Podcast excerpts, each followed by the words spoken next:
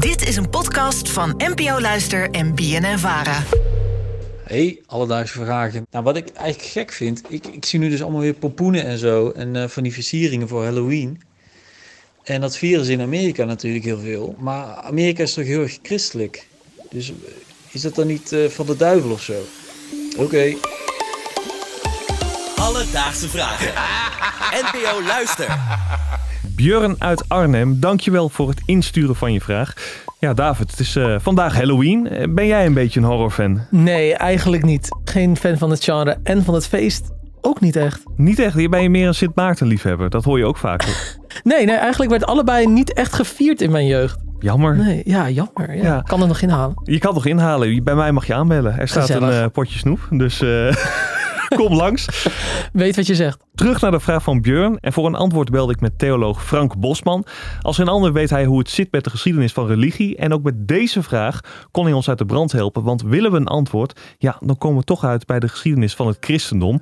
En daar kon hij gelukkig ook wat over vertellen. Het belangrijkste is eigenlijk te begrijpen dat Halloween komt eigenlijk van het Engelse All Hallows Eve, wat de avond van alle aureolen betekent. Dus eigenlijk een avond van alle heiligen. hè. De katholieke traditie hebben heiligen zo'n geel rondje achter de hoofd, een aureool. Dan weet je dat ze op schilderijen, dan weet je dat ze heilig zijn. Grote katholieke feesten hebben altijd een vooravond. Dat is eh, All Hallows Eve geworden, voornamelijk groot geworden in, eh, in het oude Ierland. Toen de Ieren gingen migreren naar Amerika vanwege de mislukte aardappeloogsten, hebben ze dat feest meegenomen. Dat is in Amerika door die katholieke Ieren ja, eh, eh, langzaam veramerikaniseerd. En in de laatste 50, 60 jaar is het ook nog weer eens een keertje gecommercialiseerd tot wat het Halloweenfeest in Amerika is. En dat is weer overgeslagen terug naar het continent waar het vandaan gekomen is. En nou snapt niemand meer dat het Halloween wat we met z'n allen vieren door ons als skelet of als heks te verkleden, dus iets te maken heeft met het christelijke feest van alle heiligen en alle zielen wat op 1 en 2 november gevierd wordt. Het is dus eigenlijk van oorsprong een heel erg christelijk feest als je het zo hoort. Ja, maar dat is wat er gebeurt als je naar Amerika gaat. Dan ga je commercialiseren. Ja, dan klopt. herkent niemand het meer terug. Nee, dat is zo. Nog even iets meer over de geschiedenis van Halloween. Eh, want het is dus ook zo dat dat Allerheiligen, eh, wat de Ieren vieren, die haalden hun inspiratie eigenlijk van een heidensfeest. En dat heette Samhain. Eh, dat was een heidensfeest van de Kelten, wat ze ook rond 31 oktober vieren. eh, om het begin van de winter ah ja, te eren eigenlijk. Nou, dat heidense klinkt natuurlijk best weer tegenstrijdig met het christendom. Eh, Hetzelfde als de rol van eh, horror en het griezelen. Ja, mensen die verkleed gaan als eh, skelet of Duivel. duivel ook. Nou, dat zie je ook vaak. Dat associeer je dan weer niet zo snel met het christendom. Nee, dat, dat kan je niet terugvinden in de Bijbel. Nee, dat klopt. Maar volgens Frank zit er wel een link tussen dat verkleden en het griezelen en het christendom.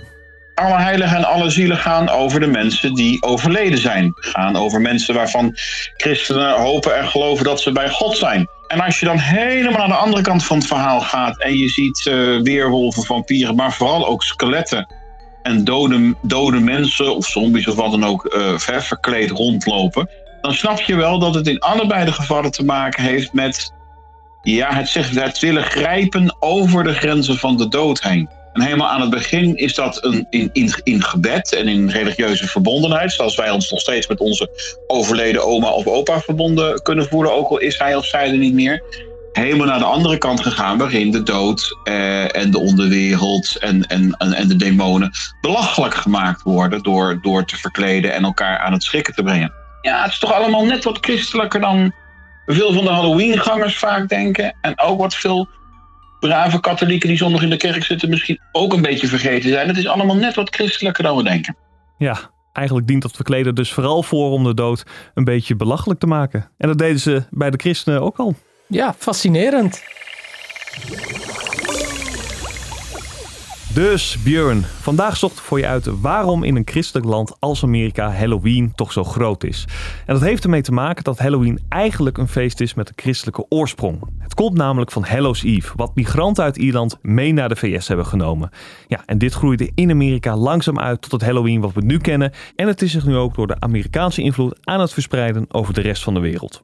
Heb jij ook een vraag? Stuur ons dan een berichtje op Instagram. Dat kan naar Alledaagse Vragen. Maar je mag ons ook mailen op alledaagsvragen.bnnvara.nl en dan zoek ik het voor je uit. Nou, en dan eh, zie ik je vanavond. Ik hou niet zo van salmiak lollies eh, trouwens.